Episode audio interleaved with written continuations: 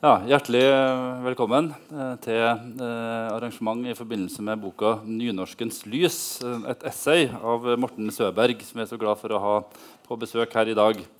Eh, Da, da jeg sprang ut eh, døra i ettermiddag, så var det fortsatt bare solgt eh, fire billetter. Og det ville i så fall vært det eh, nest dårligst besøka arrangementet vi har eh, hatt. tror jeg. Bare slått av et eh, arrangement vi hadde om eh, spiselige insekter for et par år siden. Så jeg hadde jo egentlig vurdert å åpne med, med et spørsmål om det er en sammenheng mellom de to. Men nå har det heldigvis kommet en del flere, og det er jeg veldig, eh, veldig eh, glad for. For det er et veldig interessant eh, tema og absolutt en veldig eh, interessant eh, bok som eh, det også vil være mulighet for å eh, kjøpe etter, etter at vi er ferdig.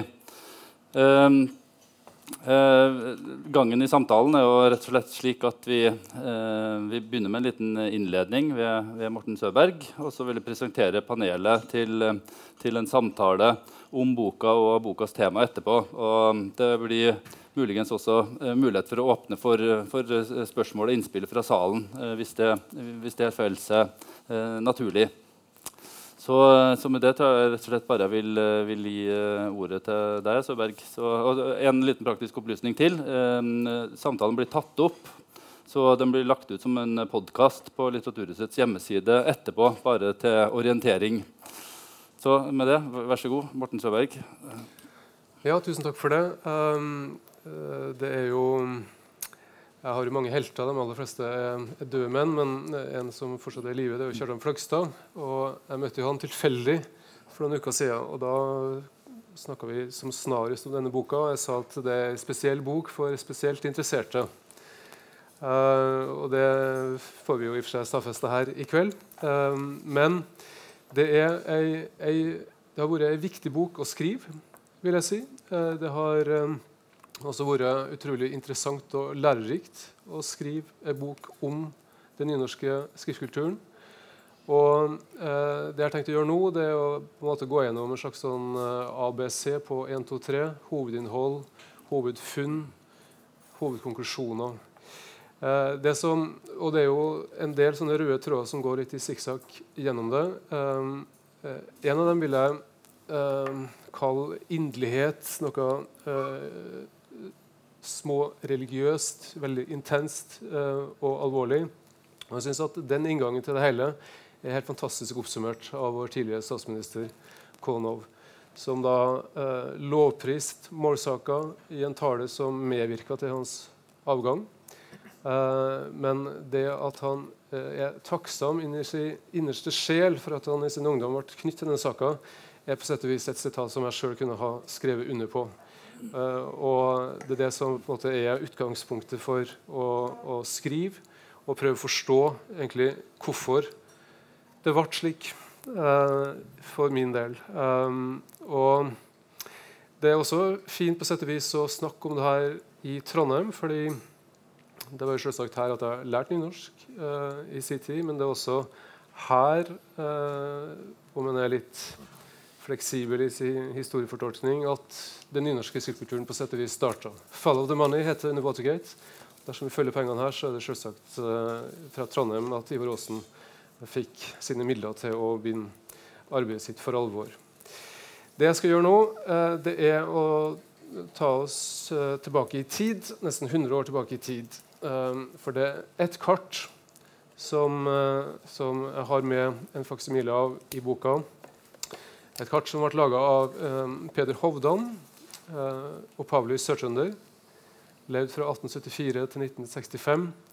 Jobba som lærer i Oslo i godt over 40 år.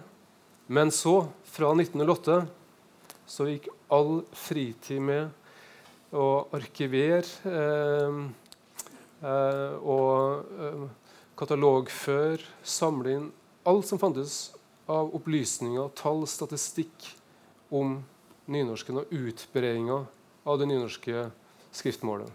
Og I sin samtid så var han på en måte denne nynorske framgangens kronikør. Og Han var også i samtida et eksempel på at det er seierherrene som skriver historier. For det nynorske skriftmålet gikk jevnt og trutt fram eh, tidvis i rykk og napp. Og det kommer ikke minst veldig veldig tydelig og vakkert eh, til uttrykk i dette kartet fra 1920, der eh, nynorske herad, altså, eh, dvs. Si kommuner der norske opplæringsmål i alle skolegrenser er farga rødt her. Eh, og du ser også en, det, det, er egentlig en sånn sammensatt, fin figur, for du har også en sånn tidsdimensjon som på en måte viser uh, farten i, i utbredinga av norsk eller nynorsk som, uh, som hovedmål. Du ser også at det er et slags sånn fredfullt demokratisk felttog som vi får en mulig stemningsrapport fra. Det går fra vest mot øst, som Napoleon i 1812, som jeg også skriver en del om. Eh, faktisk. Og du ser også at det har et forholdsvis bra nedslag i, i trøndelagsfylka. På dette tidspunktet så var, så var nynorsk opplæringsmål i over 20% av skolekretsene i Nidaros bispedømme. Uh, så det var ei tid prega av selvsagt strid, splid, men ikke minst framgang på mange frontavsnitt og på, på, ja, på mange forskjellige vis, eh, som snur 1944. 1944 så når nynorsken sin topp enn så lenge som skolemål. Da var det slik at hver tredje elev i landet hadde det som eh, opplæringsmål. Og Etter krigen så er det på en måte oppholdende strid, tapte slag, seig, men sikkert tilbakegang. Du ser det i nynorskprosenten på Stortinget, i militæret, ser det i skolen. Bildet er jo selvfølgelig ikke beksvart. fordi Et unntak er jo framveksten av utrolig mange forfattere. altså eh, Folk som skriver nynorsk, skriver litteratur, også her i området. Men hovedpoenget mitt er at vel, det der var en annen tid enn nå. Det er en ny tid. Og det som er meninga med boka, er å prøve å, å skrive om, forstå nynorsken uh, i en helt annen kontekst, en helt annen situasjon, og kanskje med andre argument og med andre tanker enn det som var utpredd eh, under denne framgangstida som varte helt fram til andre verdenskrig. Og da kommer vi ikke jeg kommer ikke utenom, vi kommer ikke utenom Vinje. Det er Vinje-jubileum i år. Han ble født 6. april. Det ble jo jeg også. Um, det var nok tilfeldig. Men artig lell, som det heter. Uh, I boka så gjør jeg et stort nummer, ikke ut av Færaminnet og en del andre klassiske tekster, men jeg, jeg, løfter egentlig fram det essayet som han skrev om um, Anton Martin Sveigård. Det, var, det ble den siste teksten han skrev. altså Han satte punktum uh, og døde bare seks dager senere. Men jeg skriver jo om dette essayet eh, på veldig rosende vis. Jeg, jeg slår fast simpelthen at det er snakk om en, en uh, slags gullstandard for um, for essay. Han er, han er jo uh, selvsagt tydelig subjekt. Han er kunnskapsrik, han er politisk.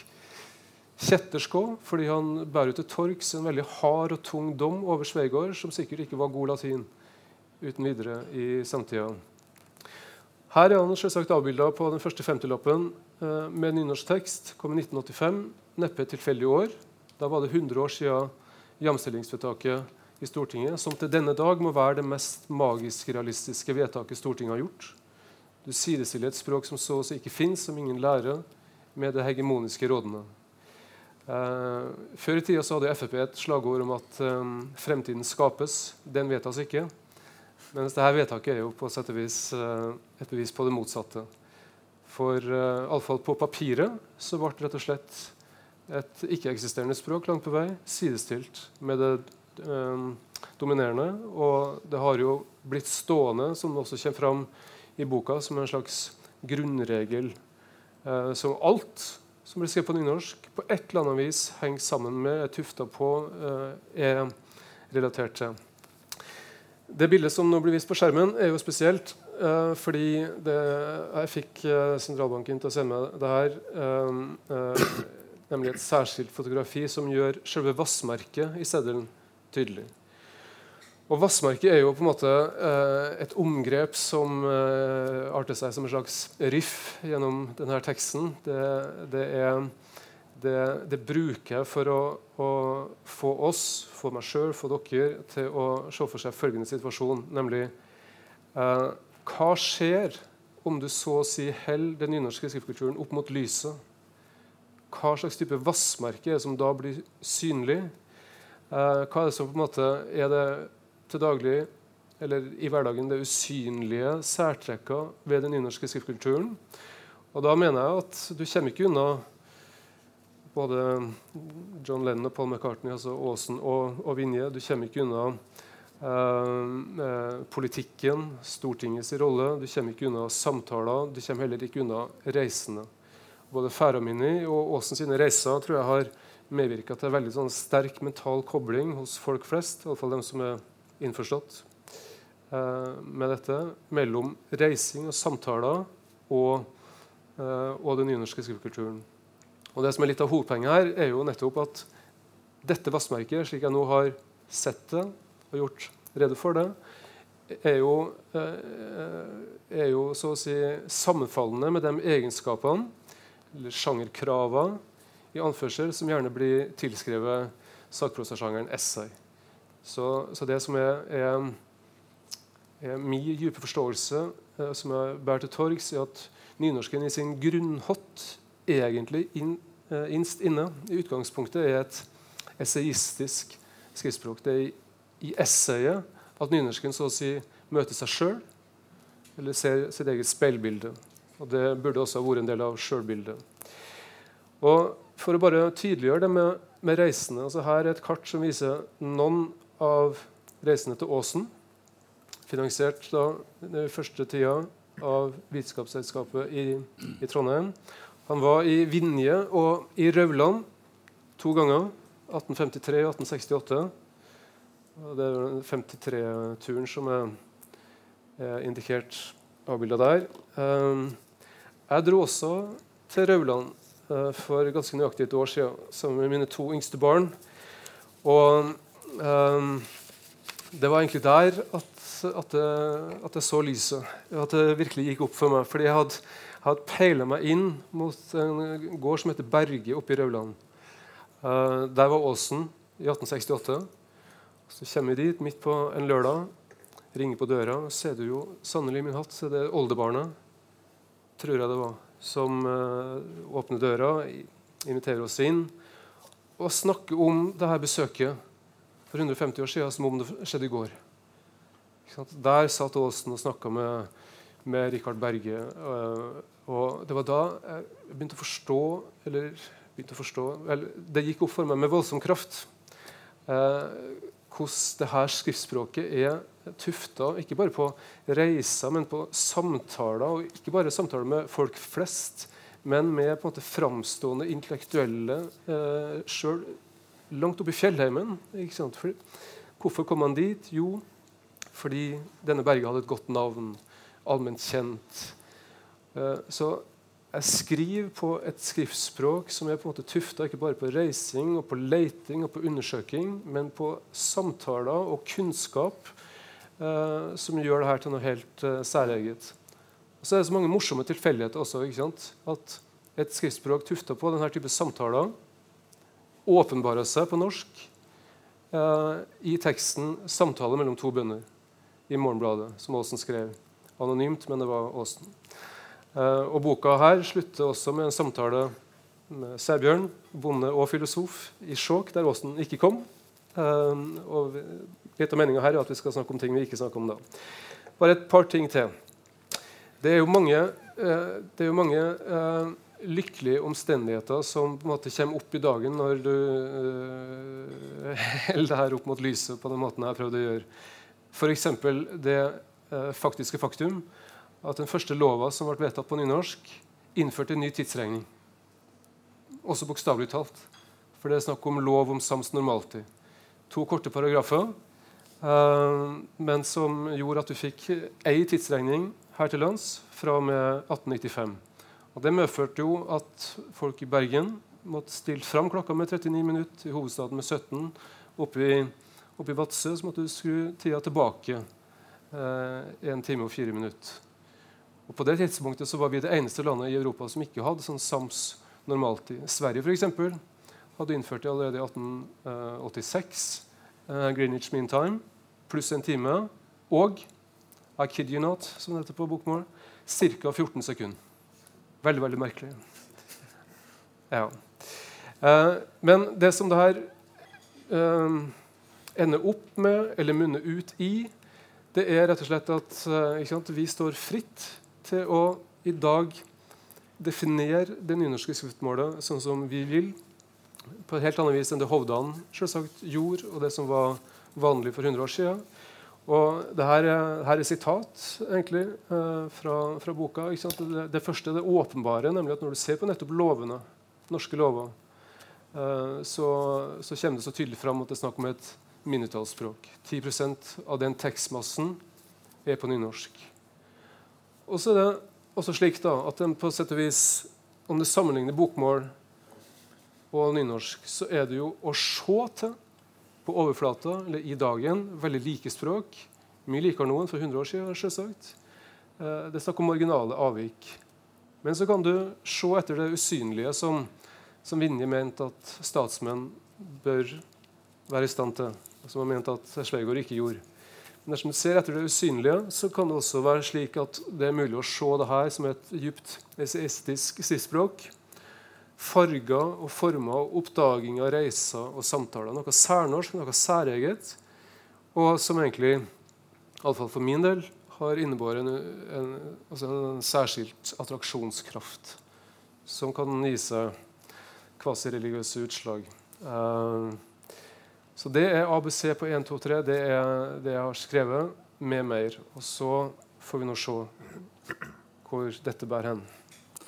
Tusen hjertelig takk, eh, Morten Søberg.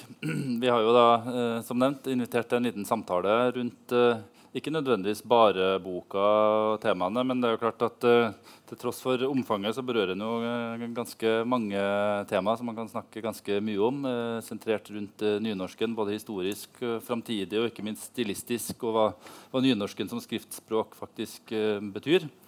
Uh, og vi har da til samtalen invitert, uh, foruten uh, Morten Søberg, da, som da altså, Foruten å være tidligere statssekretær og, og, direktør for myndighetskontakt i Sparebanken, så er han jo da også en, en stadig mer kjent essayforfatter. Så det jo essayet som, som, sjanger som rendyrkes i hans forfatterskap. Noe som gjør, gjør, det ekstra interessant at han da knytter den så tett opp til, til nynorsken. Men det er den fjerde fjerde essaysamlinga. Eh, femte, femte, unnskyld. Mm. Og for den fjerde da, være, ble du nominert til NTNUs litteraturpris nå i, nå i helga. Så det er den femte eh, essaysamlinga som, eh, som, er på bordet nå. Eh, vi hadde også invitert Trygve Lundemo, kommentator i Adresseavisa. Og så nevnte eh, Sæbjørn Forberg, som kommer reisende med toget fra Skjåk i dag. Eh, magister i filosofi og bonde. Og har, har en rolle da, i boka et, eh, i form av en, en uh, avsluttende samtale i, i, essayet som på en måte rammer inn nynorskens historie fra den første samtalen mellom de to bøndene hos Ivar Aasen. og så mellom Morten Søberg og Sæbjørn Forberg til, til, slutt. Da. Så det, det, anbefales absolutt å, å lese. det ble jo Uh, altså det ble jo avslutningsvis her uh, nevnt noen forskjeller uh, mellom bokmål og nynorsk. og Det, det er fristende nesten å, å, begynne med det som kanskje egentlig burde vært sånn avslutningsspørsmål. Men kunne det blitt skrevet en lignende bok om bokmål? Jeg, kan, jeg lar det egentlig være litt åpent, da, så vi ser hvem som eh, biter på. Nå har jeg jo sagt så mye allerede, ja. så kanskje det Kanskje spør du deg, da, Sebjørn Forberg. Ja, står det på dette her, så du hører med? Ja. Jeg har sittet og tenkt litt på dette der, og det ser vanskelig ut. Eh, og så kan jeg lure på hvorfor er det vanskelig. Og eh, så var vi litt inne på at nynorsken har noe med en slags identitetsmarkør ved seg. Og det er vel kanskje det som du, Morten, eh, viser fram for oss gjennom disse, får fram disse vannmerkene, at eh, nynorsken er og det tror jeg på en måte er feil, men den blir gjerne kobla at den er ikke så nøytral som det alminnelige bokspråk. Og det kan være en grunn til at det er vanskeligere å skrive en personlig bok i forhold til språket som du, Morten, har skrevet her. Og fordi at du er inne i mer det alminnelige, gjengse, nøytrale jeg ser liksom ikke helt for meg inngangen i det. Det måtte bli Knut Knutsen da, et eller annet, prøve å ta en tur til København kanskje, starte med dansken. Men jeg har vanskelig for å se for meg det prosjektet. Og det har kanskje noe med at nynorsken er ja, forskjellig, har en annen tradisjon i forhold til bokmålet, som gjør det mulig å skrive slike ja, framifrå bøk, vil jeg si, som Morten har begått her i nynorskens lys. Mm.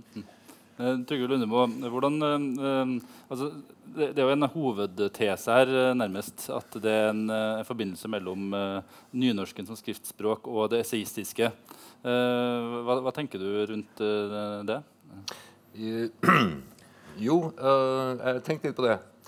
Jeg utga sjøl ei bok som faktisk av en eller annen grunn ble kalt Nesøy-samling for en del år siden. Og, og det var forlaget som mente at dette fordi det var en samling tekster som jeg ikke helt hadde noe merkelapp på. Det var betraktninger, fortellinger uh, Sjangeren var litt uavklart. Forlaget mente vi må kalle det en essaysamling. Og det, det, var greit for meg. Det hørtes så fint ut. Uh, det fører kanskje ikke til at du får veldig mange lesere, fordi jeg tror mange blir skremt av det uttrykket. Jeg tror ikke så veldig mange lesere heller vet nøyaktig hva, essay, hva et essay er. fordi det er en sånn mellomsjanger. Det har, det har skjønnlitterære trekk, og det har uh, sagprosatrekk. Altså det er en sånn bastardsjanger, etter min mening. Det kommer jo av det franske 'essayer', som betyr å utforske. Og det er jo et poeng du er inne på i boka di, at nynorsken er et, et språk som et, et, et, et mål, målform som du mener er ekstra egnet til utforsking. Og det er jo jeg enig i. Uh, og det tror jeg nok har sammenheng med at, uh, at, nynorsken på en eller annen måte tvinger fram en større språkbevissthet enn en bokmålet kanskje gjør. Fordi man er så man, Velger man å skrive nynorsk, så er man så bevisst på at det er det man gjør. Velger man å skrive bokmål, så er det en selvfølge. Mm. Og der tror jeg noe av, av forskjellen ligger. Mm.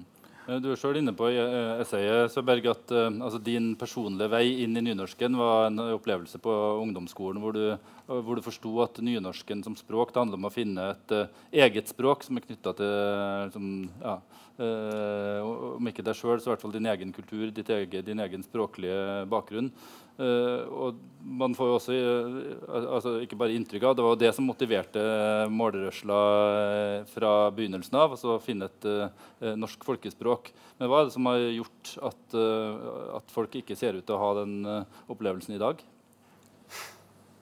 Ja, det er et stort spørsmål. Jeg, jeg kom jo inn i det på, på sedvanlig liksom, overfladisk vis. Altså, det var forfriskende å plutselig se og lære at det var lov å bruke en del ord og bøyingsformer som jeg uh, sjøl sa.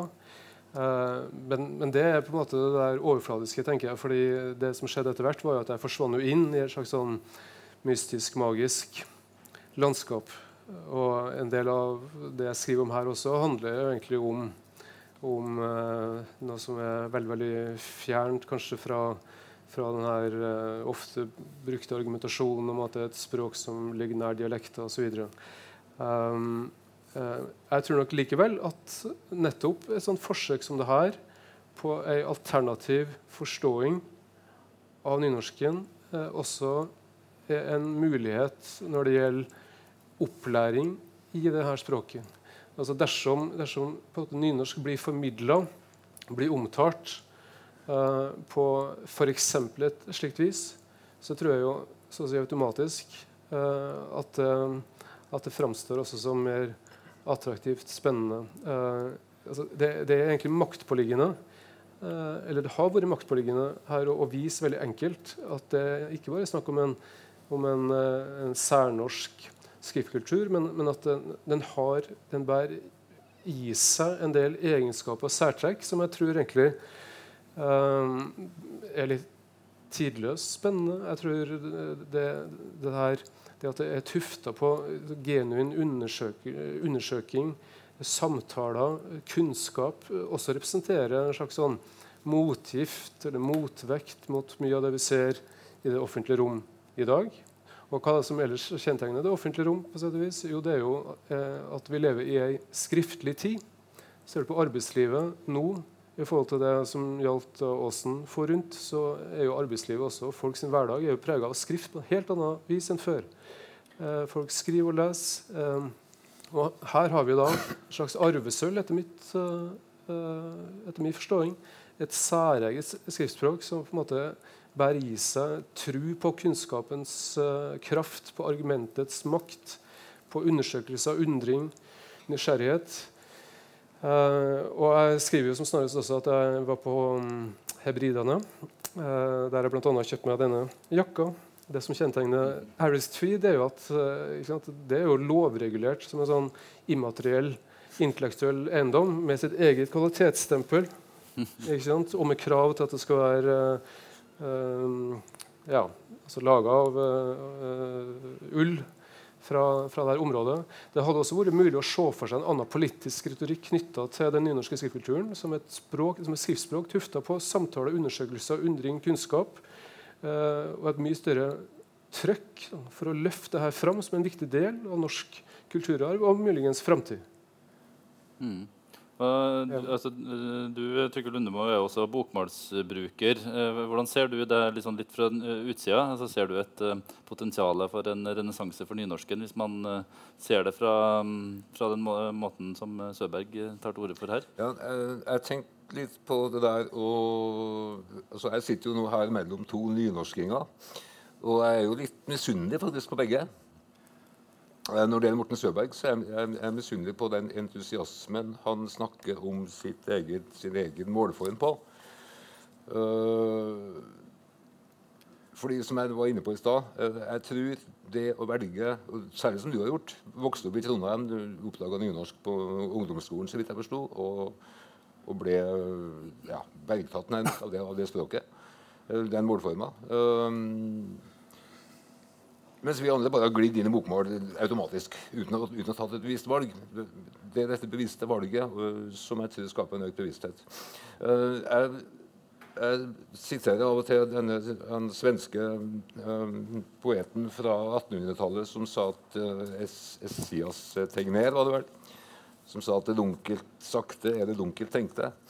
Jeg pleier å, å, å justere det til at det dunkelt skrevne er det dunkelt tenkte jeg syns at i bokmåls uh, I sånn standard bokmålsakprosa så er det veldig mye sløv språkbruk. Um, mens jeg ikke finner det samme i nynorsk. Der syns jeg at jeg finner en høyere språkbevissthet. Og det er jeg da misunnelig på. Mm. Um, altså jeg bodde i Danmark i noen år i forbindelse med studier. og Der slo det meg at uh, altså Nå har jo riksdansk selvfølgelig vært mer hardtslående overfor dialektene uh, der enn en det, en det, man har opplevd i Norge. Men jeg opplevde at uh, uansett hvor du bor i Danmark, så har du, altså, du har en naturlig tilgang til skriftspråket. Altså, når det er snakk om ordspråk, ulike ord altså det, den dynamikk mellom det skriftlige og, og, og muntlige som, eh, som, vi ikke har i Norge, fordi det er veldig stor avstand mellom folks dialekter og det de aller fleste skriver, nemlig, nemlig bokmål. Eh, nå har det jo eh, siden 70-tallet vært et sånn slagord da, at man skal snakke dialekt, skrive nynorsk, som etter hvert har blitt snakke snakk dialekt, skriv bokmål. Men hva, hva, har det å si for eh, forholdet til skriftspråket? Eh, Forberg, du, altså, du, snakker jo litt om akkurat det der i boka inne på det på den måten at jeg ikke er så veldig opptatt av det, kanskje. Men uh, fordi at, uh, som du er inne på, det er kjensgjerning at det ikke er noen nødvendig slutning fra dialekt nynorsk. da. Så jeg mener det er viktigere å vektlegge nynorsken som en skriftkultur og, og, de tradisjonene som ligger der. og Det blir vel sagt der, jeg vet ikke om det er Tomé eller Morten, at uh, det er skriftkulturen som ankerfester nå. Fordi at dialektene er mer flyktige og i endring. Ikke dermed sagt at du skal kaste ut utgangspunktet for det, nemlig dialektene. Men det går iallfall ikke an å grunngi nynorsken bare med dialekten. Det måtte være noe mer i tillegg. Og det har også en rik, etter hvert lang skrifttradisjon. Nærmer seg iallfall 150 år og godt å bære det. Så vi må ikke glemme det. Og jeg sier vel der at uh, det blir feil å prøve å ny, uh, grunnlegge nynorsken på nytt og på nytt. For det er gjort for lenge siden. For 150 år siden. Så, så såpass vil jeg si uten å si noe galt om dialektene, for de er viktige å, å ta vare på. Men uh, så inne på ei skriftlig tid og ei tid prega av høy grad av kommunikasjon og mobilitet. Og det tærer nok på dialekten. Det er vel ingen tvil om det. At det sliter ned dialektforskjeller. Men skriftkulturen, skrifttradisjonen, har sin egen verdi, sin egen tyngde. Og hvis jeg skal si litt mer, da, jeg ser det jeg leste gjennom dette her, at i dag jeg driver og lanserer et begrep triangulering. Jeg vet ikke om jeg får lov å pense litt inn på landmåling. altså en bonde som det heter. da, og til hver vår så går det ut altså, meler ut på åkeren. Skal mye potet skal det være, så, så mange mål, så mye bygg. Hvor en slik der passer, og så mæler opp. Og, eh, jeg tror det har vært mye god tri triangulering og oppmåling i nynorsktradisjon helt ifra Åsen når han reiste rundt. og som Morten inne på at han reiste, snakka med folk, hadde mange punkt, drog sikteline og trekte vinkler, tegna perspektiv. Og det er god esteistikk også. Og det er vel det du Morten gjør mange plasser. Du drar linjer og perspektiv, reiser rundt, snakker med folk, skriver. I en tradisjon. Og det er en opplysningstradisjon. hvis jeg får preke litt mitt budskap i dette. Og fordi at de tidlige nynorske pionerene kartla landet språklig fordi at de hadde et mål.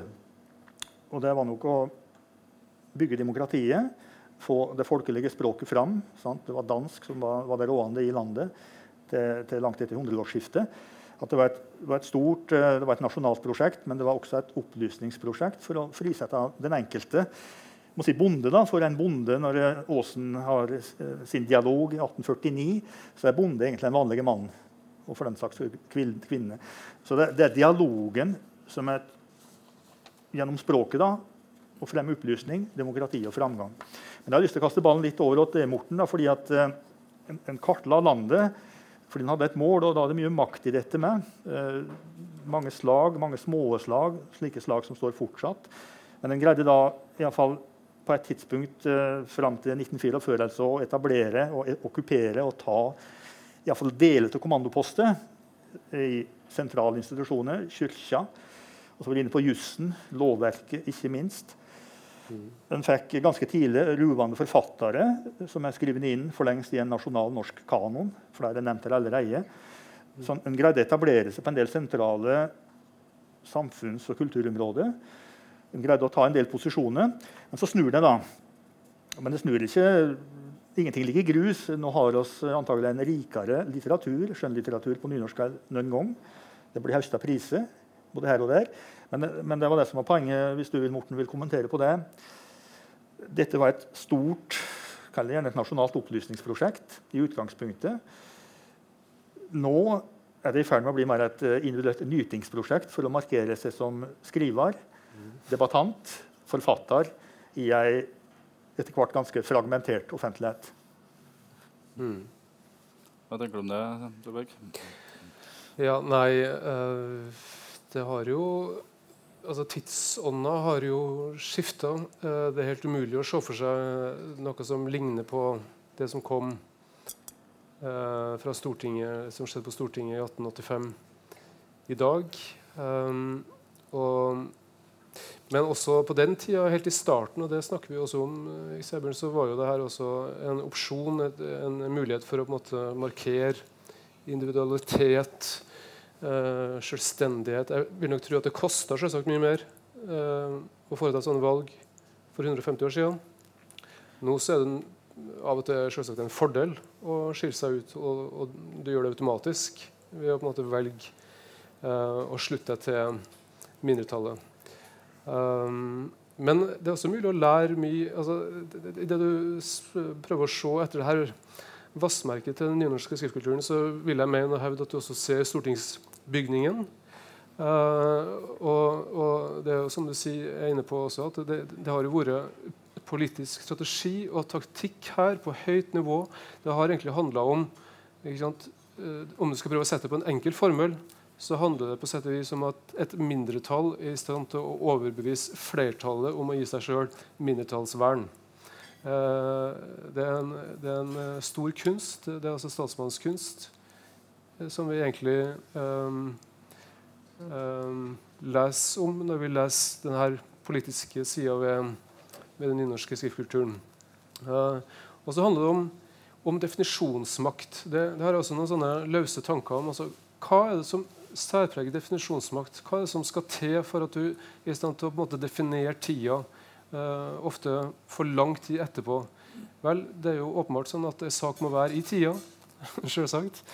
Uh, men, men, det krever jo også politisk framferd som, uh, som er prega av sterk vilje og såkalt fokus på en sak, evne til å ikke gi seg. og det det der ensynte er nok en vel så viktig del av historien om det nynorske skriftmålet som tvisynet, som ofte blir, blir, eh, blir tilskrevet Vinje, og gjennom Vinje eh, en slags sånn særegen plass innenfor for det nynorske. Det er ensyn, det er sol, eh, seloteri, eh, kraft og selvsagt eh, eh, flaks med tanke på at det var ei tidsånd som gjorde det mulig også for mange sentrale mennesker innenfor det her til å på en måte komme opp og fram. Og så er det også fascinerende, tenker jeg eh, altså En svært viktig del av politikken er jo lovgivning. Fordi hva handler det dypest sett om? Jo, det handler om å på en måte eh, legge premissene for, eh, for, for framtida. Eh, og det som er så fascinerende med det her, er jo at, at du klarte veldig tidlig å få på plass et lovverk som på sett og vis også er et slags sånn ekko av eh, den mest kjente lova her til lands, nemlig lova etter et, etter lagabøte, eh, som var en lov som, eh, som, var, som, kom veldig tidlig i europeisk sammenheng. Eh, varte i 400 år. Hva var det som gjorde at den lova ble så langvarig? Jo, så, så vidt jeg har forstått det, så var det sant, en sentral lov som overlot veldig mye av den, den faktiske lovforståelsen og utøvinga til, til, lokale forhold. Uh, det er nettopp sånn uh, Det er akkurat det samme som har på kjennetegna denne skriftkulturen har fått et sentralt vedtak, men så har det vært opp til lokalsamfunn, til herad, skolekretser å på en måte avgjøre det her sjøl. Uh, så det, det, er så utrolig mange sider ved den nynorske skriftkulturen som fortsatt en dag i dag har emne i seg til å bli til veldig spennende, fascinerende historier. Og Det er der litt av fascinasjonen kommer fra, uh, nemlig at det er svært gode grunner til å være fascinert. Mm. Uh, så, så, enkelt er det. Ja, det, må, det må også legges til her at, eh, at eh, du, du, kobler jo nynorsken veldig tett til den tyske militærteoretikeren Clausewitz i, i boka. Og besøker jo til og med gravstedet hans som en del av den uh, naturlige reisa i nynorskens, uh, i nynorskens lys. Uh, altså, altså, Når det gjelder uh, dette med makt, og hvordan makt har blitt brukt for å posisjonere nynorsk i nynorsken vern, uh, være offensiv, så, så kommer tanker om at avdøde Frank Aarebrot han mente at den strategien som Mårdørsja hadde lagt seg på når det gjelder å eller bygge sine egne institusjoner, som norske teatre, egne tidsskrifter, egne aviser, sånn, var feilslått fordi han mente at den hadde lyktes mye bedre dersom man istedenfor hadde forsøkt å erobre de etablerte avishusene. Altså, vi har jo hatt en uh, tradisjon for at nynorsk har hatt sine egne, uh, egne tidsskrifter og aviser, mens uh, nynorsk da praktisk talt ikke har blitt brukt i det hele tatt i, i bokmålspressa. Uh, som igjen har skapt en ganske underlig situasjon. For mens nynorsken har stått ganske sterkt på alle mulige andre flater, med uh, prosentandel i NRK og, og i det hele tatt, så, så, må man faktisk helt fram til i fjor, før VG f.eks. åpna for nynorsk som nyhetsspråk. Altså, hva, du, du, er jo selv avismann. Hva, altså, hva, hva, gjør det her for nynorsken? og hvorfor, hvorfor skjedde ikke det her for 100 år siden? For det er jo det eneste åpenbare. Om Aarebrot har rett, det vet jeg ikke. Uh, fordi Jeg vet ikke om det hadde vært mulig for nynorsken å erobre de riksmålsbastionene som da fantes. Det kan jeg ikke svare på. Men, men jeg har jo tenkt litt på nynorskens framtid, og jeg tror at det, der, det, kan godt hende at Aarebrot tar feil. At de nynorske institusjonene vi har, vi har, de er sterke og har vært viktige. Og når nynorsken nå er svekkes, eh, så kan det godt hende at disse sterke institusjonene er, eh, vil forsinke den svekkelsen. Mm. Uh, ellers så tror jeg at utviklinga det, det, er noe som tar det for nynorskens framtid, og noe som tar det mot. Jeg tror vi har inntrykk av at vi lever i ei tid med hvor nyttetenkinga er mye mer framtredende enn før. Trenger vi da nynorsk? Er det lønnsomt? Koster det ikke mye? Skal vi ha to målformer? Koster det ikke ekstra penger? Uh, og det er mange det er sterke krefter som, som mener at uh, nå må vi kutte sidemål i, i, skolen. Det er jo en egen debatt. Uh, både i regjeringa i dag og enkelte i Arbeiderpartiet her i, her i fylket har jo angrepet nynorsken. og antakelig er det da ut fra nyttetenking er dette nødvendig. Det som kan være nynorskens styrke på håp og styrke på lengre sikt, det er at den kan være motvekt det kan komme en reaksjon mot uh, den medieutviklinga vi har. Det kan komme en reaksjon mot den lettvinte, veldig kjappe uh, internett... Uh, det kjappe, lettvinte internettspråket. Uh, det, kan, det, kan, være flere Det kan bli flere som har behov for å, for å skrive på et språk der, som stimulerer til mer refleksjon og mer dybde og mer ettertanke. Og det gjør jo nynorsk. Mm. Uh, altså, Morten Søberg avlegger jo professor Jørn Øyragen Sunde en liten visitt i, i boka. Uh, og Sunde, da, som er professor i, i rettsvitenskap, eller hva heter det, rettshistorie, er det vel eh, han er professor i, han forteller jo om at noe av det viktigste nynorsken har, uh, har, vunnet fram med, det er der, det vernet mot den såkalte vennlige makta, hvis jeg husker begrepet rett, hvor den vennlige makta sier at ja, du må gjerne bruke nynorsk, men helst bare i de situasjonene hvor det, hvor det er relevant. Uh, og det vernet som gjør at nynorsken kan brukes i veldig mange sammenhenger, er jo enormt viktig. Men uh, i avisverdenen så har jo det, den seieren egentlig aldri kommet, kommet opp. Jeg kjenner jo sjøl mange journalister som egentlig er nynorskbrukere, men som, som, skriver på bokmål. Altså, hva, er, det noe håp for uh, at de skal få lov til å skrive på nynorsk? Det spørsmålet vet jeg ikke svaret på. Det, det, er, ikke noe, det er ikke noe tegn som tyder på det foreløpig. Altså, altså, nynorsk blir ikke holdt unna spaltene kanskje på samme måte som før. Men der går utviklinga i ulik retning, og det er ulikt i ulike aviser. Og det er mye mer åpning for nynorsk på Vestlandet, f.eks. I de store avisene på Vestlandet så skrives det jo en del nynorsk. Mm. I aviser så har vi ikke hatt den tradisjonen. Noen journalister har av og til skrevet på nynorsk, og, og det har vært åpning for det. Men, eh, men det, har, det, har, aldri vært nådd fram som et uh, vanlig brukt uh, nyhetsspråk. Uh, dessverre. større mangfold på det området det, det, vil jo jeg gjerne ha, men hvordan det går, det er jeg usikker på. Mm. Forberg, hva, altså, hvordan opplevde du situasjonen for nynorsk som om man skal kalle det et universelt språk da, som kan brukes i alle sammenhenger? Ja, hva skal jeg si om det? Jeg nevner vel skjønnlitteraturen ja, som en sterk og godt etablert skanse. Der ser det bra ut. Men det er klart dette her med avisa har vært en tung sak i lang tid. det må kunne si.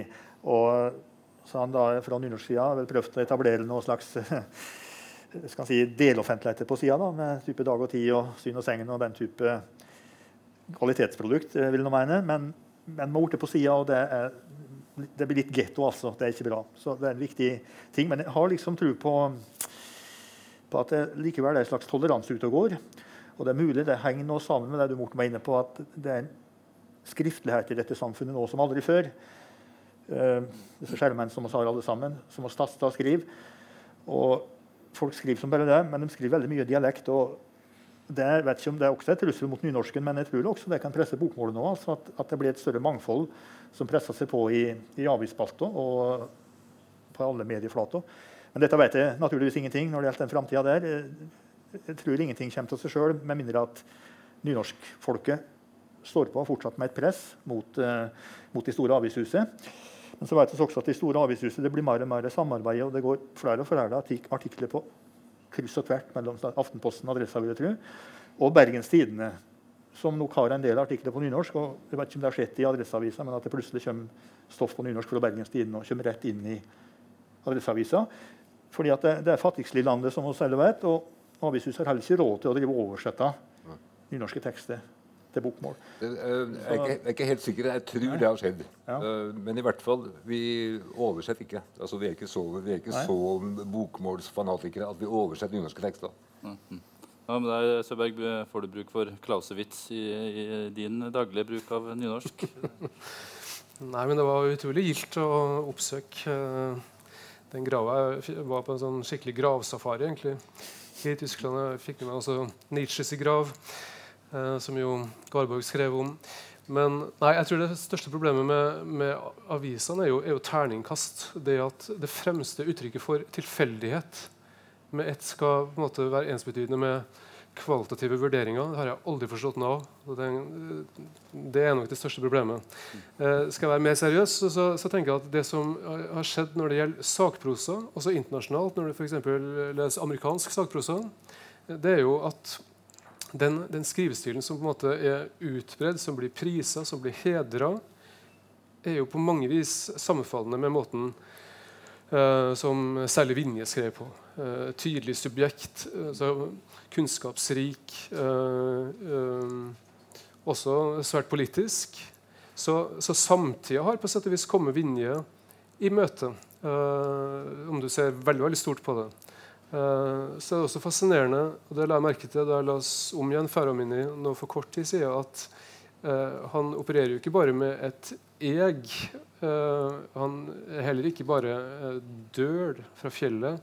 Når han kommer til Trondheim her for å få med seg kroninga, så skifter han jo til vi. Det, det er et stort subjekt, og det er vi hovedstadsfolk. og det er jo og sånn kunne jeg også tenkt meg å ha skrevet. Mm. En vakker dag.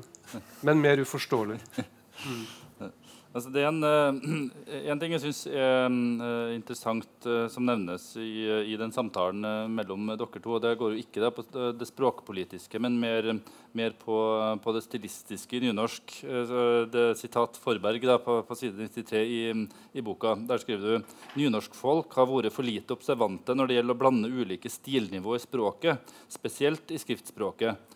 Det ligger kreative muligheter i å veksle mellom høy og låg stil, og særlig trekke veksler på samtaler, spørsmål og svar, det esaistiske. Uh, det syns jeg er veldig interessant. Hva, legger du i det? Legger vel det i det som Morten prøver å dra fram, nemlig dette her utprøvende og forsøksvise som ligger i nynorsktradisjonen.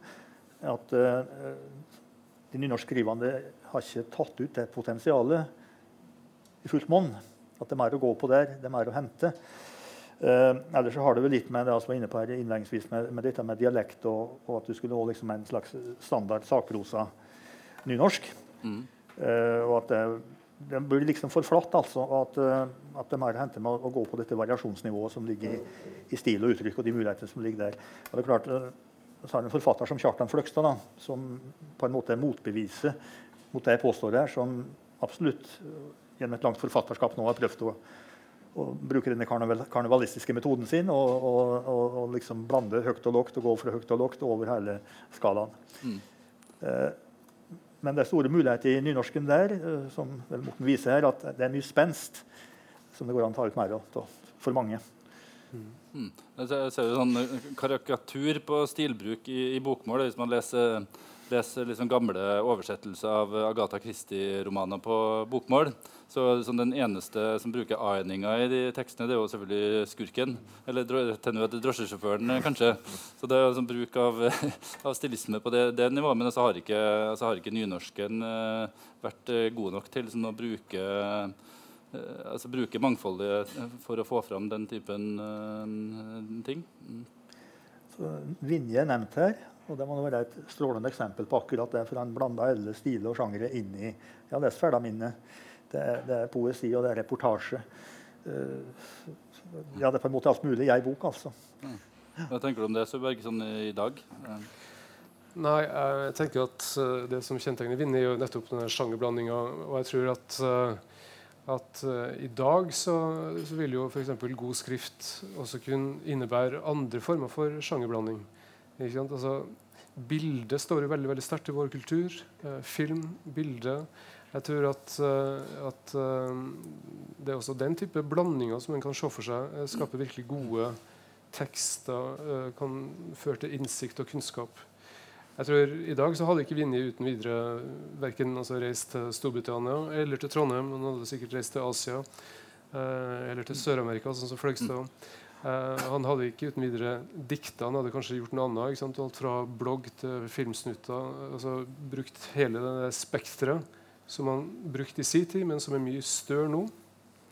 Og jeg tror egentlig, For å komme litt tilbake til det jeg sa om avisene i stad altså, Det er jo et voldsomt press overfor journalistikk generelt sett uh, nå til dags. Men, det, men samtidig så er det jo langt flere gode tekster som blir skrevet nå enn før, men de kommer til uttrykk på andre vis i andre kanaler. Uh, så vi lever i ei skriftlig tid, men vi lever også i ei rik lesende tid. Det, det, uh, men der avisene sannsynligvis blir, blir, mindre viktige, sånn sett, men der det er et vell av kreativitet og andre kanaler, andre uttrykksformer. Så finnes det av og til bøker også. Det er ikke alt som egner seg for for bøker. Det, det, det, er andre muligheter å ta ordet på og komme til ordet. Um, men uh, det som er liksom spennende med dette prosjektet, har nok egentlig vært å prøve å, å, å, å grunngi at det er noe særeget ved denne skriftkulturen som egentlig utgjør et stort potensial for samtaler, for, uh, for politikk sågar, for, for, skriving, for tekster, som, uh, som jeg syns er merkelig ikke i større grad har vært sett, snakka om, løfta fram. Uh, bare for å ta det I politikken Jeg tror det var på en måte lettere før i politikken å, å, å enes om noen sånne krafttak, f.eks. å bygge ja, type Bergensbanen. Da, ikke sant? Eh, det handler nok mer om at samfunnet var, var lettere, på en måte. Eh, nå så satses det på, på, alt. Men tenk om en kunne ha sett for seg en sånn tilsvarende kraftsamling på skriftkultur som et sånn stort prosjekt av typen eh, ja, regnskog i Amazonas. Altså noe, noe, som det var en himmel over, og som, som, det, som det ble lagt, eh, eller brukt mye politisk kapital på også. Mm. Det er jo eh, på en merkelig måte fraværende. Terningkast to. ja, eh, vi kan åpne for spørsmål ganske snart. så Hvis det er noen som uh, har lyst til å komme med et innspill eller stille spørsmål, så bare tegne seg, så skal jeg åpne for det ganske snart. Uh, jeg, jeg, må jo, I forlengelse av det Morten, Morten sier, så jeg må bare nevne én ting. da, det er jo at uh, Norsk er jo et, både bokmål og, og nynorsk er jo et trua språk. Fordi den engelske påvirkninga er så voldsom. og Kanskje det er også noe som taler for at nynorsken har en, har en plass fremover. Det er at nynorsken kanskje kan være eh, en del av det forsvaret som vi er nødt til å bygge mot den voldsomme engelske påvirkninga. Mm. Sånn den, eh, kanskje den sterkeste følelsen jeg noen gang har hatt eh, av ikke å skrive nynorsk, det var da jeg leste eh, romanen 'Sveve over vatnet' av Ragnar Hovland. For han har en helt sånn fantastisk humor som, som veldig tydelig kun kan uttrykkes på, på, nynorsk. Så for meg som bokmålsbruker så var det nesten mer irriterende enn morsomt å lese det. For jeg syns det var så fantastisk godt skrevet. Nå, har du Lundeba, hatt noen sånn lignende opplevelse av av liksom, en lyst til å hoppe, hoppe over eh, på det nynorske? Jeg har, har hoppa over. Du har det? Ja. En gang, Særlig én gang. og Det var da jeg var hjemme hos Olav og Hauge i Ulvik og laga et større portrettintervju med han for lørdagsbilaget vårt. Ukeadressa. Så skrev jeg jo som jeg pleier på bokmål. Og så leste jeg jo gjennom det og skjønte at nei, det her, det her går jo ikke. Det var ikke mulig å referere det Hauge sa på flatt bokmål. Så da skrev jeg alle hans svar på nynorsk. Og heldigvis så hadde jeg den gangen en kollega fra Hardanger som kunne som beherska Hauges måte å snakke på. Så bokmål er ofte utilstrekkelig. ja. ja. Jeg tror vi skal, kan åpne for et spørsmål ved salen. Har du en sånn håndholdt uh, mikrofon? Skal jeg slå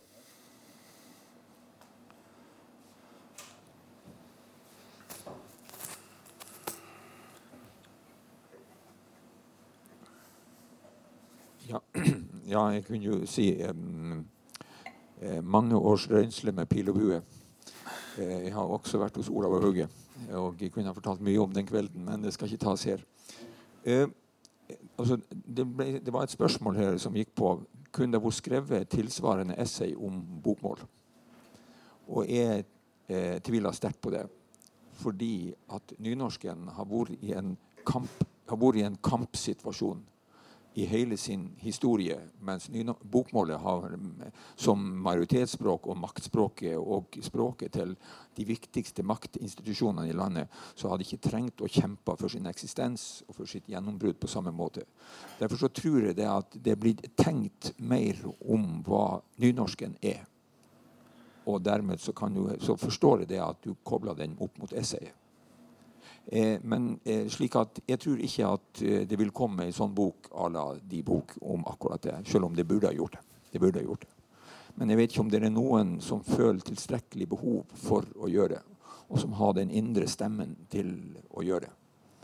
Men det er én ting når jeg snakker om jeg skal, Nå skal ikke jeg prate for mye, men bare som spørsmål. Altså Språkspørsmålet er et politisk spørsmål. Og etter å ha vært norsklærer i videregående skole i 40 år, så vet alle fall jeg at den beste måten å nå fram til 16-19-åringer med dette spørsmålet, det er å bevisstgjøre dem på hva er språkets funksjon i et samfunn.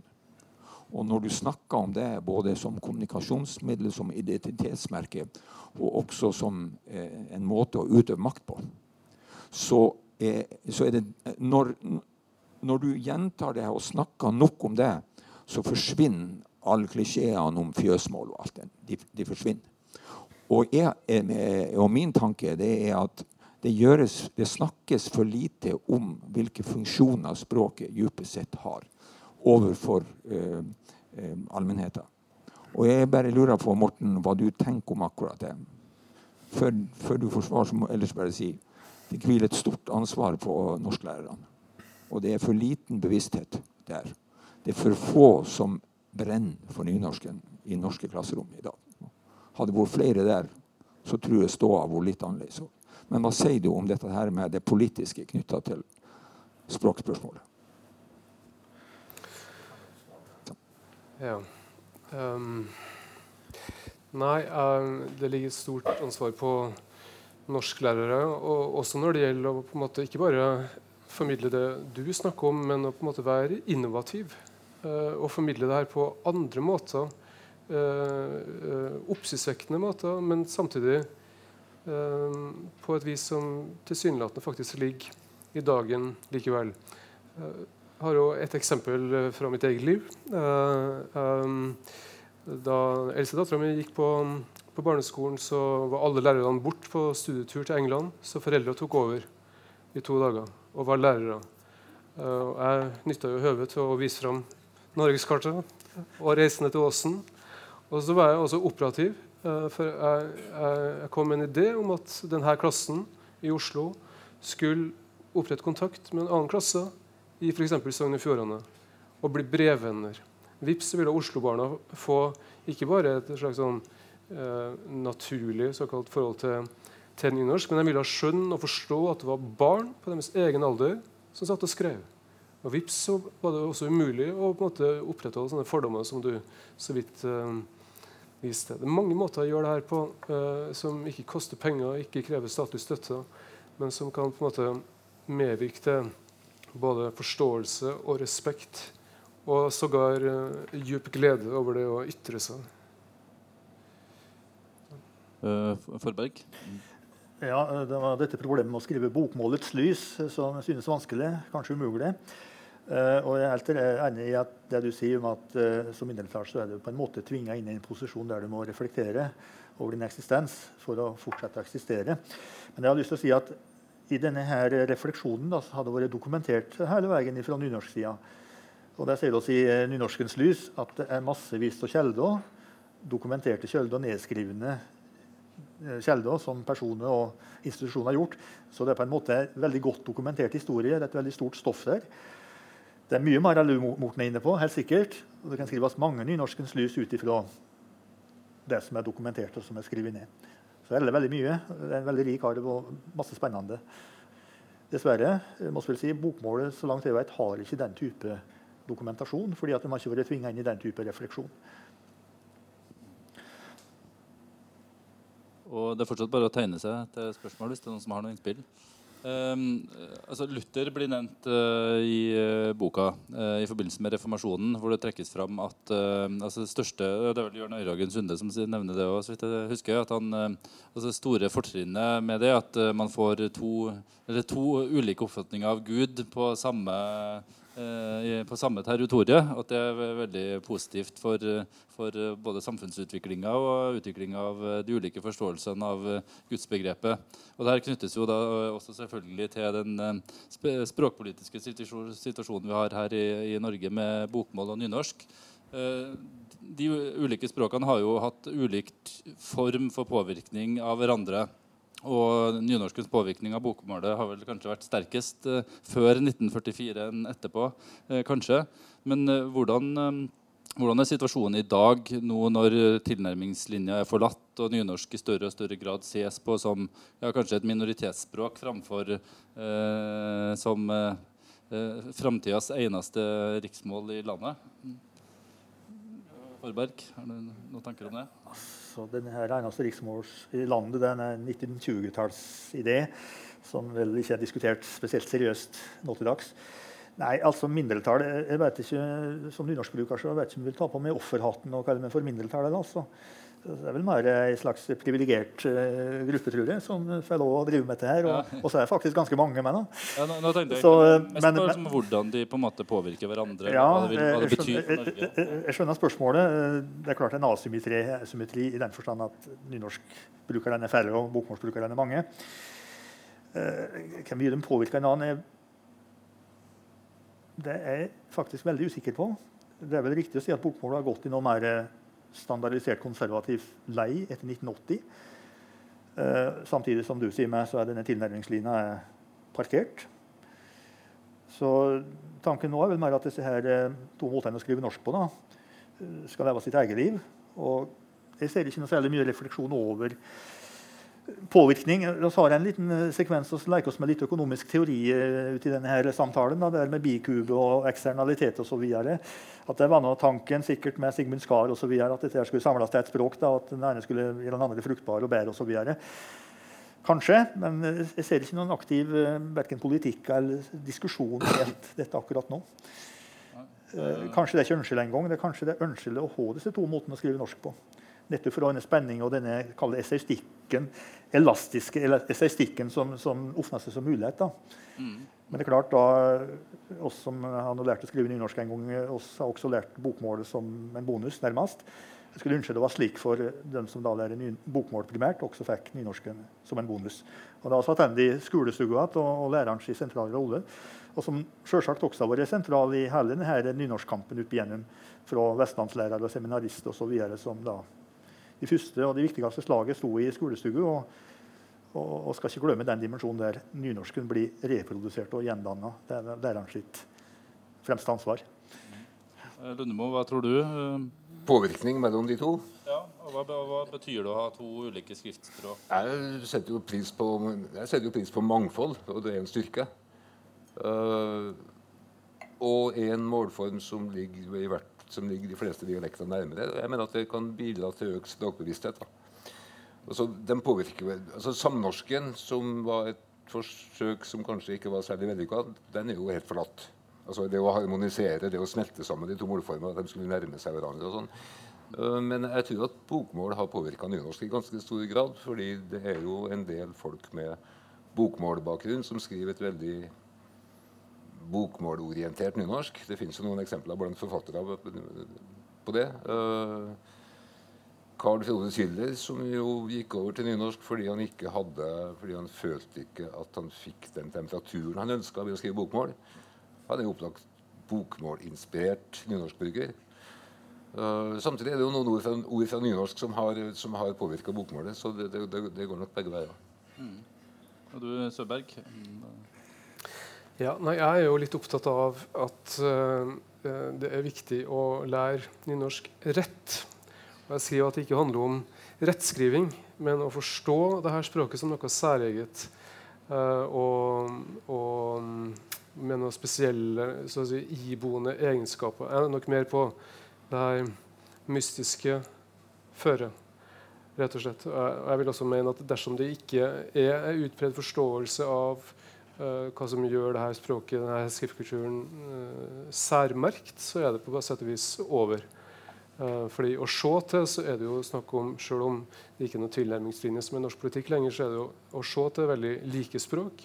Det er jo det som du ikke ser et, ved et isfjell, som gjør at det er forskjell. og Da kommer vi tilbake til reisene og til samtalene og det politiske dimensjonen med språket. Um, så det er min inngang til det. Så kan det være at det jeg egentlig tar til orde for, det er en slags sånn norsk-latin. Uh, noe som ikke er for folk flest. Men uh, sånn er det nå en gang. Jeg har et spørsmål her. Ja. Ja, kanskje mer noen kommentarer enn spørsmål. Men eh, det prata om dialektene som, som, kanskje ikke er så avgjørende for skriftspråket eller for for framveksten av nynorsken. Men jeg syns jo jeg ser at i, i, det området der jeg kommer fra, jeg er fra Hallingdal, så, så, er dialektene på tilbakemarsj. Ungene prater ikke dialekt lenger, sjøl om foreldrene gjør det. Og der kommer skolemålsrøystingene opp, og der faller nynorsken. Sånn at Det er jo en sammenheng der. Når ungene ikke lenger prater dialekter, så, så ser ikke folk rundt at det er behov for å, for å skrive nynorsk heller. Det var det ene jeg tenkte å si. Og så har jeg litt sans for, og, og kanskje litt sånn utprøvende på dette med det, det, mystiske her. Eller kan det ikke være en slags fallgrube også at det kan bli hen imot det romantiske? Eh, og holde fram nynorsken på, på, den måten som du gjør, Morten. Og så vil jeg til slutt slå et slag for nynorsk også som talemål, altså i det offentlige rom. At en kan bruke eh, nynorsk også, ikke bare alltid dialektnært, men at de bruker nynorsken også som, som et talemål i, i offentlige rom. Det erfarer jeg sjøl at det fungerer godt.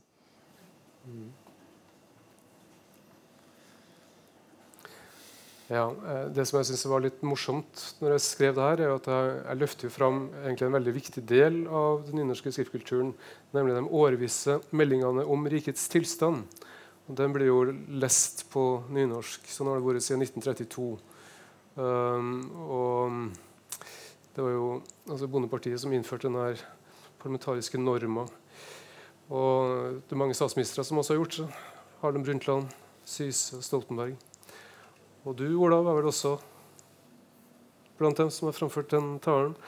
Eh, men det er jo et faktum at, eh, at nynorsk talemål på det viset er jo et veldig minimalistisk fenomen. På samme tid som veldig, for det her store verket som jeg skriver om, også Norsk allkunnebok, hadde jo også uttalerettledning med. Altså det, det, var åpenbart før i tida også en del av tida å ta til orde for det du gjør.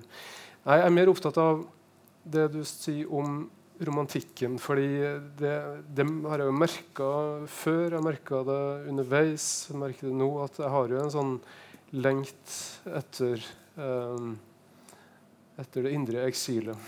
egentlig. Og jeg, et, ja, Vi, jeg fikk jo med meg det fascinerende foredraget av Jan Inge Sørbø om nynorsk litteraturhistorie som var her på lørdag.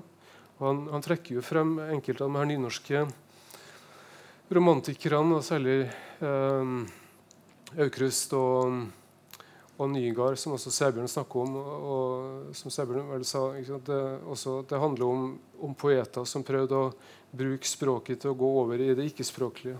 Altså, det har vært snakk om kronisk norsk i det siste, men her er det altså kosmisk norsk. Altså, det er helt bortenfor. Og det er et eller annet fascinerende ved det der. En slags sånn sirenesang. For det er jo litt farlig òg, selvsagt. Men da gjelder det å binde seg til masta da, og så oppleve det. Spørsmål her borte, eller et innspill?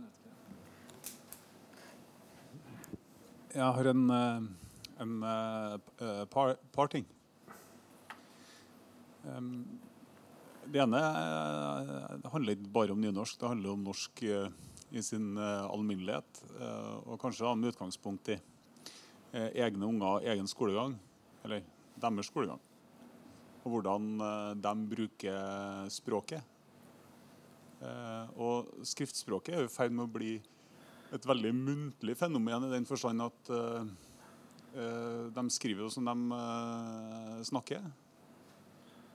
Og jeg tror jo heller ikke at bokmål er over tid i spesielt god stand. Altså norsk generelt. Og så er det jo en, etter mitt skjønn ganske sjaber nasjonal oppmerksomhet rundt betydninga av eget språk og hvordan vi skal ta vare på det. Det er jo nærmest en ikke-eksisterende debatt, eh, etter mitt skjønn. Og Ser man jo til Island, så har man jo der f.eks. et eget råd som rett og slett eh, lager islandske ord av eh, moderne fenomen. Og det blir fulgt opp. Og Kanskje er det jo et uh, resultat av at det er et enda mindre språk enn uh, en vårt. Og enda oppleves som enda mer prekært å ta, uh, å ta vare på det. og da, Det som fikk meg til å stille det her, reflektere rundt det her, det var jo det flere av dere har vært inn på rundt skole- og norsklæreren. så Sæbjørn, det hadde vært ålreit hvis du kunne ha filosofert litt, litt rundt akkurat det der. Altså, hvordan tror du eh, det norske språket i sin alminnelighet kommer til å være om noen år? Eh, og er det altså Jeg tar meg jo sjøl blir litt sånn jeg vil at ungene skal skrive bruke språket, eh, lese bøker, men det er jo veldig mye oppgaver eh, nå til dags som handler om eh, utkryssing og, eh, og, og digitale verktøy. Og du, altså, du bruker jo ikke du bruker ikke språket, skriver du ikke ut på samme vis som eh, før, og det setter jo åpenbart etter mitt skjønn negative resultat. Det var det ene. Andre eh, det er jo, tenker jeg i stort eh, de, eh, så Den siste generasjonen så er det i hvert fall to ting som har skjedd. og Det ene er jo at bokmålet som skriftmål har fått en mer dominerende posisjon i det norske samfunnet. Så Sånn sett kan man si 1-0 der. Men på den andre sida så vil jeg jo hevde at dialekt har fått et helt, en helt annen plass og aksept i det offentlige rom. Eh, jeg er jo vokst opp eh, på bestefaren min som eh, piska oss frem på, på dialekt og var veldig på å rette. Men hvis du ser gamle TV-opptak og radioopptak eh, av han, så er det jo en slags sånn forkvakla trøndersk eh, riksmålsutgave som, eh, som fremføres. I dag ville det vært helt utenkelig. Eh, og da tilbake til det siste poenget mitt. altså En av tingene jeg angrer på i min politiske karriere så langt, er at jeg las opp 'Rikets tilstand' på nynorsk. Den burde selvsagt vært fremført på bredt trøndersk.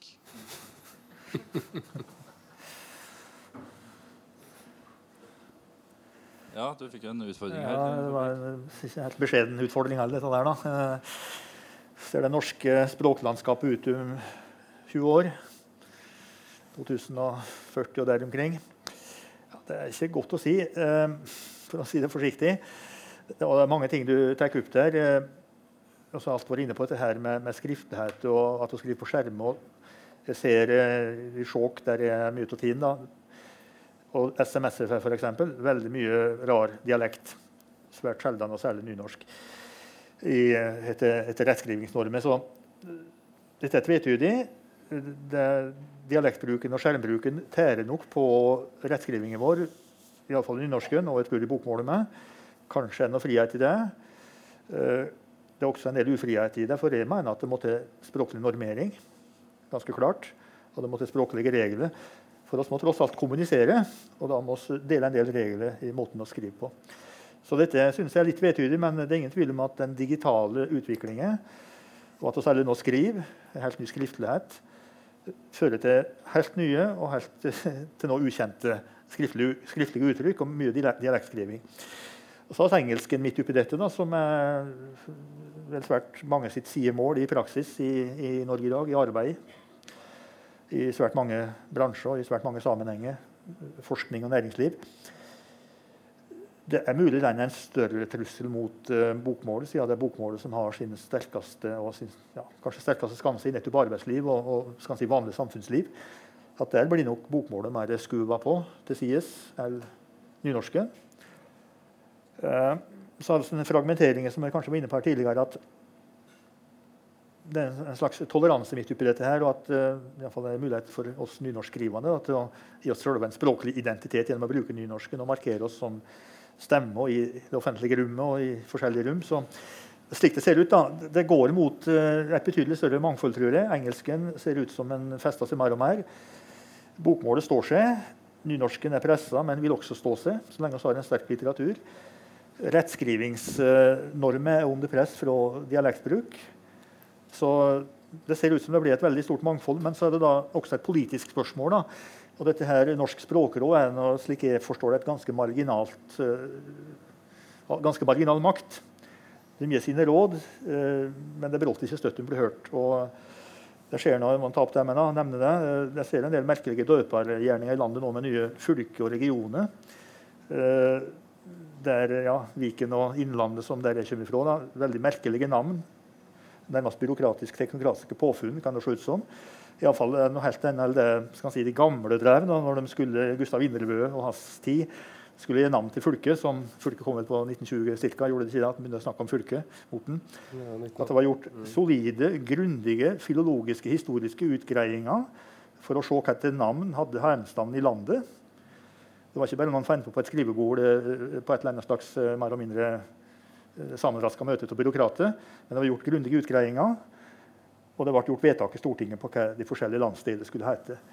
nå virker ting veldig mye mer tilfeldig. og jeg vet Språkrådet har ytra seg i denne saken, der, men de har ikke gjort det hørt.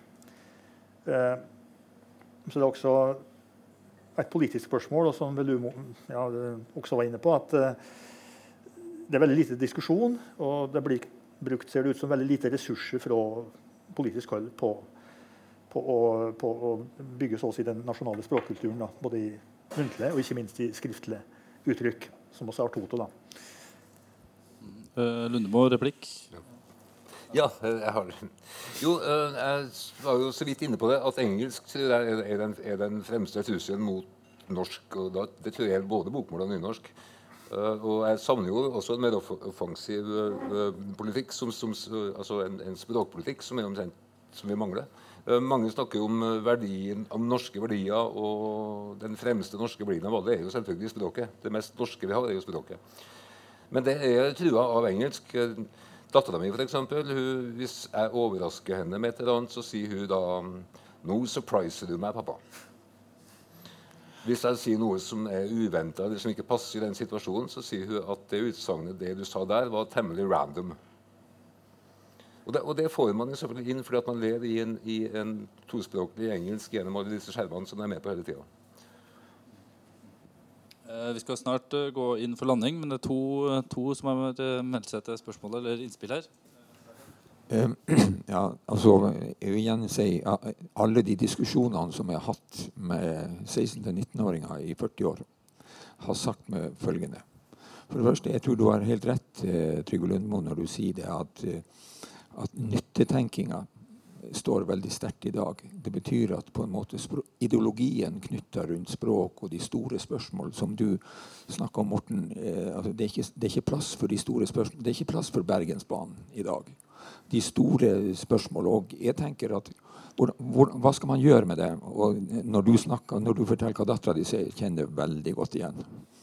Det du sier der, er 'disgusting', f.eks. Det er et ord som jeg har hørt mange ganger i et klasserom. Bare si Jeg tror at dersom norsk språk skal overleve, så må folk ha en indre motivasjon for å vedlikeholde og utvikle det. Altså Man må se at det er viktig for oss som land og folk å ha det norske språket. Da må en reflektere, da må en snakke om det. Og der jeg tenker jeg at klasserommet er viktig. At du må snakke om hvorfor skal vi det. Og da, kommer, da må man diskutere hva er språk. Hvilke funksjoner er det språket oppfyller i et samfunn? Og jeg tenker at Vi har vært så heldige at vi har hatt nynorsken som et alternativ til bokmålet. Det har gjort at det har blitt snakka mye mer om denne type ting i norske heimer og i norske klasserom enn det har blitt gjort i Sverige eller i Danmark. Og jeg tenker at eh, i forbindelse med det sett eh, Ola Borten, sentralpolitiker er, Jeg tror det er viktig at det går ut signaler fra myndigheter om at den type ting må stå sentralt i f.eks. norskundervisning. Og så helt til slutt bare si at Når det gjelder sjangerkunnskapen blant videregående elever i dag, er større i dag enn den var i 1976, når jeg starta. Takk for det. Vi kan ta siste innspill også før vi tar en avsluttende runde fra panelet. Ja, Morten, du starta jo så fint med Konov. Eh, og sa at du kunne ha sagt noe av det samme med dine ord. Det samme kunne jeg gjort. Og så har du nevnt at eh, så nevnte du at det gjelder å binde seg til masta. Og I noen sammenhenger så får vi som bruker nynorsk, veldig god hjelp til å binde oss sjøl til masta. Jeg husker godt den gangen jeg gikk over til nynorsk som hovedmål på, i førsteklassen på Katta i 1978. Da ble jeg omringa av en gjeng på ca. 25 elever som skulle gi meg juling for det når ryktet hadde spredd seg.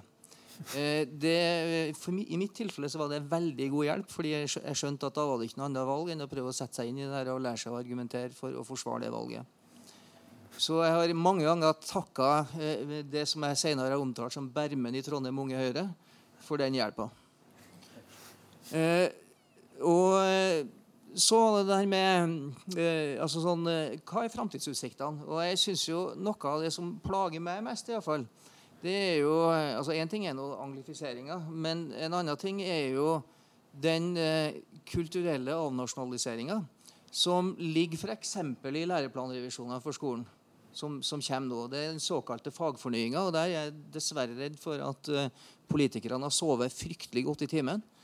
Altfor godt. Uh, for der er det nemlig sånn at uh, til tross for at opplæringsloven har veldig sterke og fine, fin formålsparagraf, paragraf 1, som sånn, legger veldig vekt på si, kulturhistorisk orientering, og som har hatt innslag i, i veldig mange fags læreplaner, så er det nettopp det innholdet i, over bred front som, som, blir massakrert nå og tatt ut i læreplanrevisjonene. Det gjelder jo ikke bare norskfaget.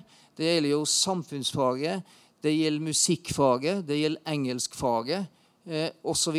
Kunst og håndverk også. og Sånn kan man fortsette. Eh, og det er i alle fall ikke noe god hjelp hvis vi tenker at forutsetninger for å opprettholde norsk som språk, og særlig nynorsk som språk også, faktisk er avhengig av at vi ser at vi har kulturelle verdier og kulturhistorie å ta vare på i dette landet.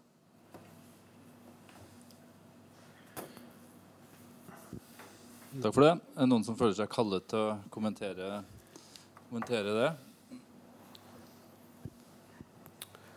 Nei, det var jo en del triste perspektiv som på en måte ble trukket opp her.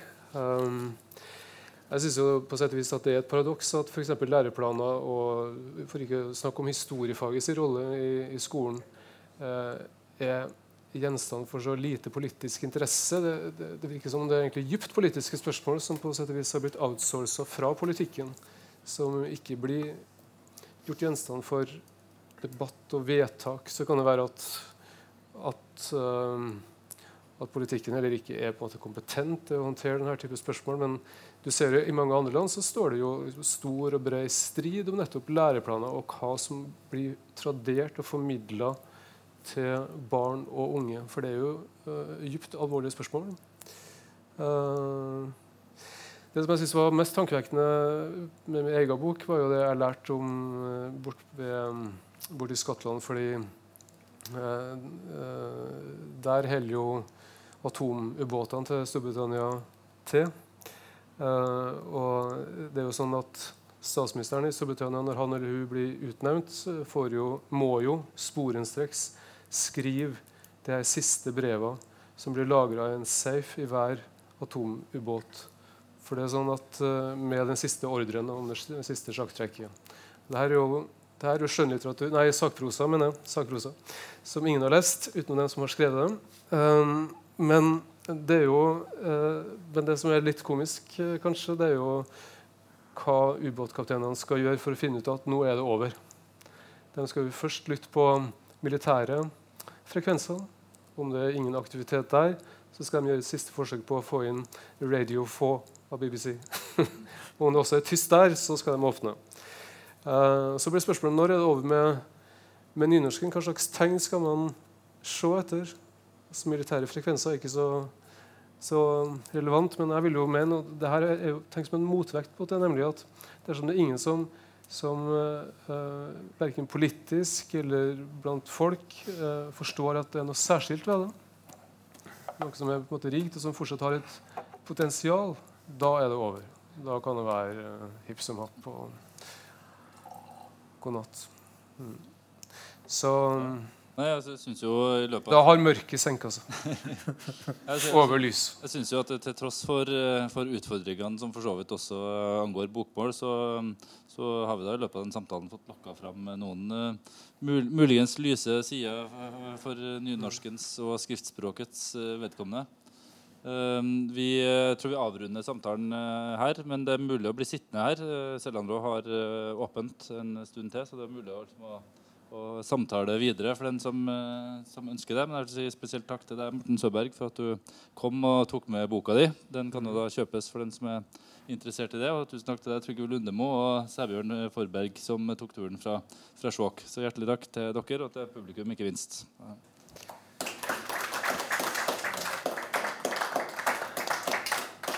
Men dersom vi skal bli sittende, så er det greit å ha litt sånn positivt og løfterikt bakteppe. Årstall. Årstall det der. 1920. 1920. Ja.